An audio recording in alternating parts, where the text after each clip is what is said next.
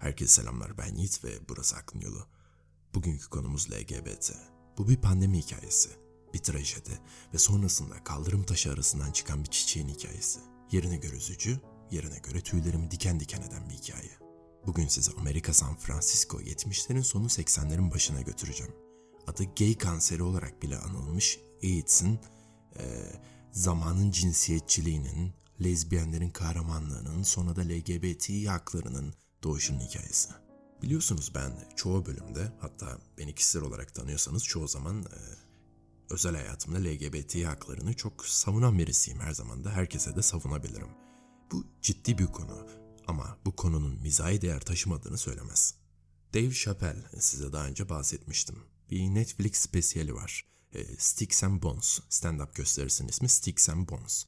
Bir skeci canlandıracağım o stand-up'tan size. Chappelle kafasında LGBTİ bir araba yolculuğu olarak görüyor. Yani bir araba düşünün ismi LGBTİ hareketi olsun. E, her araba gibi o arabanın da bir şoförü var, yolcuları var ve bir yere gidiyor. Ama bu hikayeyi anlatırken e, harfler üzerinden gideceğiz. Çünkü Dave Chappelle öyle gidiyor. Chappelle'e göre bu arabayı G'ler sürüyor. Mantıklı değil mi? Konu Amerika'da olduğu için gayler arasında çok fazla e, bir söylenti var. Gayler genellikle beyaz erkeklerden oluşuyor böyle bir söylenti. Biliyorsunuz beyazlar ayrımcılık konusunda bayağı tecrübeli. Gayler diyor ki bu arabayı biz süreriz. Çünkü bizler bu yolları biliyoruz. İşin aslı bu yolları biz inşa ettik. Geri kalan yolcular e, kemerlerini taksın, istediğiniz yere sizi götüreceğim diyorlar. Herkes kemerlerini takıyor ve yolculuk başlıyor. G arabayı sürmeye başlıyor. Tabii yan koltukta, ön koltukta L'ler var. L'leri herkes seviyor.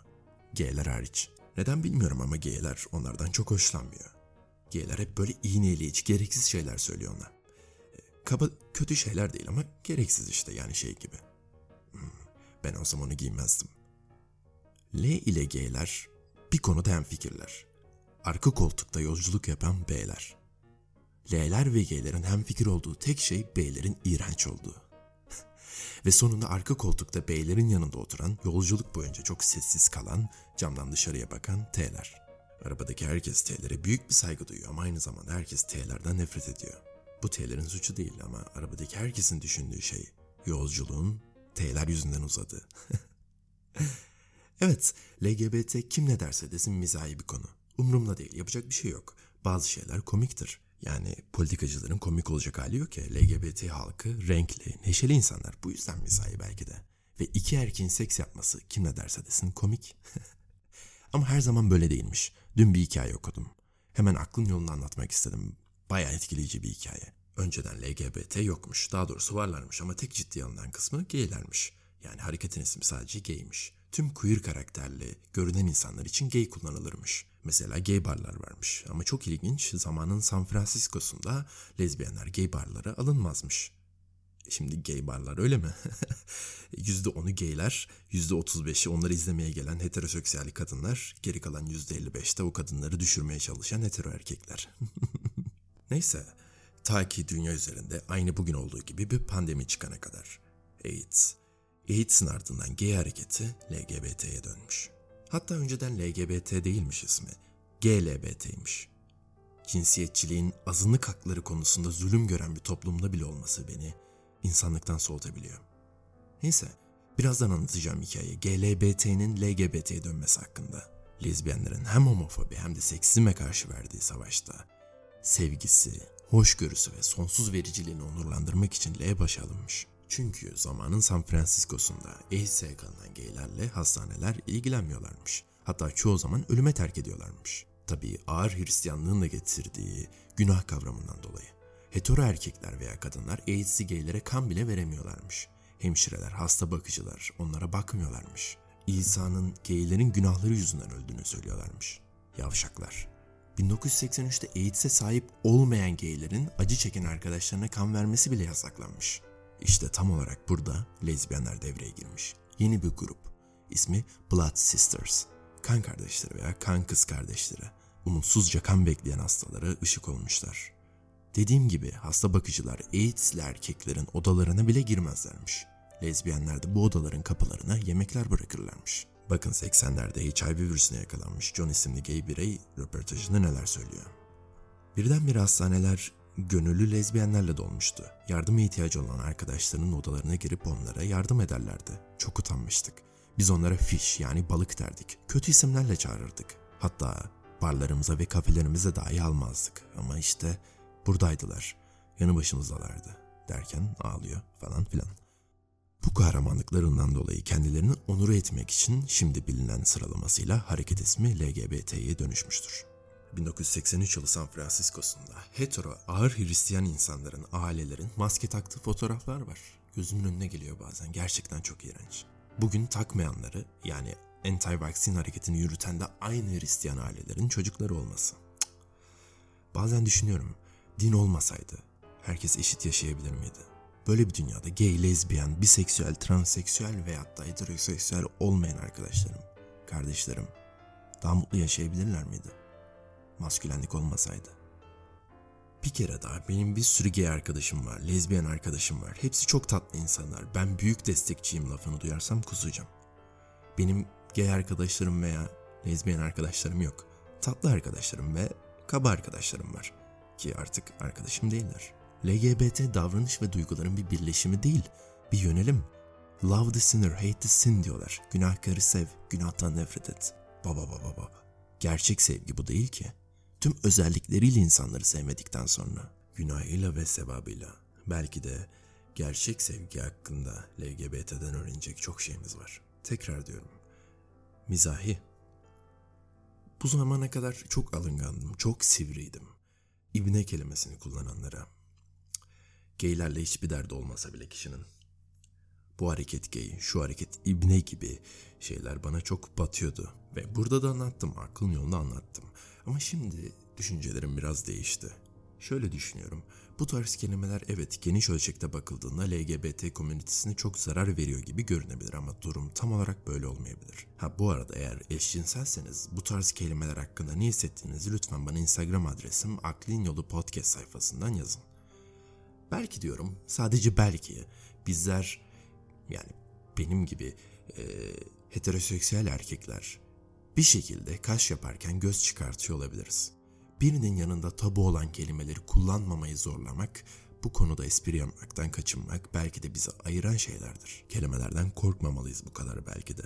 Her erkek arkadaşın nasıl kadınlarla olan hikayelerini dinleyebiliyorsak bir şekilde gaylerin hikayelerini de dinleyebilmemiz gerekiyor. Eğer ahlaki olarak konuşuyorsak hetero erkek arkadaşlarımızın da seks hikayelerini dinlemiyor olmamız gerekiyor. Tamamıyla eşcinsellik hakkında konuştuğum bir bölüm var. O bölümde de söylediğim gibi önceden bundan çok da uzun bir zaman önce değil Dünya Sağlık Örgütü'ne göre mental bir hastalık olarak kabul ediliyordu geylik. Sanılıyordu diyelim ama artık homofobiklik bir mental hastalık olarak kabul ediliyor tüm dünyada. Maskülenliği sergilemenin birçok yöntemi var ve bu onlardan bir tanesi olmamalı. Hatta belki de bu espriler, bu zararsız ibne lafları bizi daha da yakınlaştıracak birbirimize. Böyle yıkıcı, doğrudan nefret söylemi olanlardan bahsetmiyorum. Bir gülüş, bir jest her şeyi daha güzele götürebilir. Bir espri çok şey anlatır. Biz sosyal canlıları birbirine bağlar bazen. Evet, bölümün başında bahsettiğim şovdan biraz daha farklı bir şovdan şimdi başka bir alıntı yapmak istiyorum. Yabancı podcast dinleyenlerin çok aşina olacağı bir isim. Joe Rogan. Bu paylaşacağım alıntı podcast'ten değil ama Netflix spesiyeli Strange Time isimli talk show'dan. Bu arada herkese tavsiye ediyorum. Baya komik. Çoğu gay insan Joe Rogan'a nefret ediyor. Bunu anlayabiliyorum ama bakın adam çok iyi bir şey de söylüyor. Genellikle talk show'larında herkese dalga geçip mizah yapıyorken bu konuda yani e, LGBT konusunda mizah yapmamak gerçek ayrımcılık olmaz mı diyor. Yani değil mi? Özellikle podcast'te söylediği şeyler yüzünden çok fena Twitter'da linç yiyor. Ben de salak şeyler söylüyorum podcast'ımda ama beni az kişi dinlediği için çok fazla olay olmuyor. Joe Rogan podcast'inin bir bölümünde bir şekilde hani olur ya profesyonel güreşin gay olduğunu söylemiş. yani sonuçta atlet giyen, vücudunu tıraşlamış iki adam birbirinin üzerinde birbirlerini kanter içinde kavramaya çalışıyorlar. Bazıları böyle deri maske falan takıyor. Bu o ring dışında yani o 3 metrekare alan dışında dünyanın neresinde olursa olsun çok gay bir hareket. Neyse Joe Rogan bunu söylediğini hatırlamıyormuş bile. Ardından podcast bitmiş. Twitter'ı kontrol edeyim demiş. Bir sürü yazım yanlışıyla dolu nefret söylemleri almış. Tehditler almış. Ne yaptım ki ben diyor. Söylediklerimde ciddi bile değildim. O an komikti ben de Bu çok gay dedim. Bence hala komik. Bakın ardından ne söylüyor? İnsanlar bir şeylere gay diyemeyeceğimizi söylüyorlar. Ama ben gayleri seviyorum. Gaylerle hiçbir problemim yok. Hatta gerçek oldukları için mutluyum. Seviyorum. Karıştırın sikimle değil. Ne güzel. Ne kadar fazla renk o kadar renkli bir dünya diyor. Bir şeyleri gay dememden hoşlanmıyorsanız o zaman gay şeyleri tanımlamak için hangi kelimeyi kullanmalıyım diyor. Gay negatif bir şey değil. Sadece gay. Ve gay olan birçok şeyde iki erkeğin gerçekten seks yapmasıyla hiçbir alakası yok. Müzikaller gibi. Kimse neden olduğunu bilmiyor ama müzikaller gay. negatif değil hayır. Ve profesyonel güreşten nefret etmiyorum diyor. Öylesine konuşuyordum diyor. Bir önceki podcastimde, eşcinsellik podcastimde konuştuğum ve şu an yanlış olduğunu anladığım başka bir şey daha var. Homofobikliğin gizli geylik olduğunu söylemem. Değil, öyle bir şey yok. Sindirimden söylemiştim. Şimdi, bu konularda daha fazla konuşmak istiyorum. İnsanlar başkalarının haklarını konuştuğu her zaman gömülür. Bu benim gururla sırtımda taşımak istediğim bir dert. Gururla sevgisini diğer herkes gibi, aşkı diğer herkes gibi yaşamak isteyen insanlara, arkadaşlarıma, kardeşlerime, abilerim, ablalarımın yanındayım ve düşünüyorum ben konuşmazsam, o konuşmazsa kim konuşacak? Sanırım iki sene öncesinde bir adamla tanıştım. O özellikle düşüncelerimi çok büyük bir ölçüde değiştirdi. Özgür. Özgür ve arkadaşları daha doğrusu ODTÜ'deler. Tüm Türkiye'de milyonlarca insan için o kadar çok çalıştılar. Belki dayaklar yediler. Şurada iki kelime söylüyoruz çok mu? Aşk. Her zaman her yerde aşk. Her şekilde aşk. Ama sadece tek aşk. Aynı aşk. Bizim aşk. Sizin aşk. Aramızdaki aşk. İnsanlığı ayakta tutan şeydir aşk. Onu öldürmeye çalışmak. insanlığın tamamen içinden bir suç. Öldürmeyin. Yaşartın, aşık olun, aşk hissedin, hissettirin, hissetmelerine izin verin. Size söz veriyorum, dünya çok daha güzel bir yer olacak.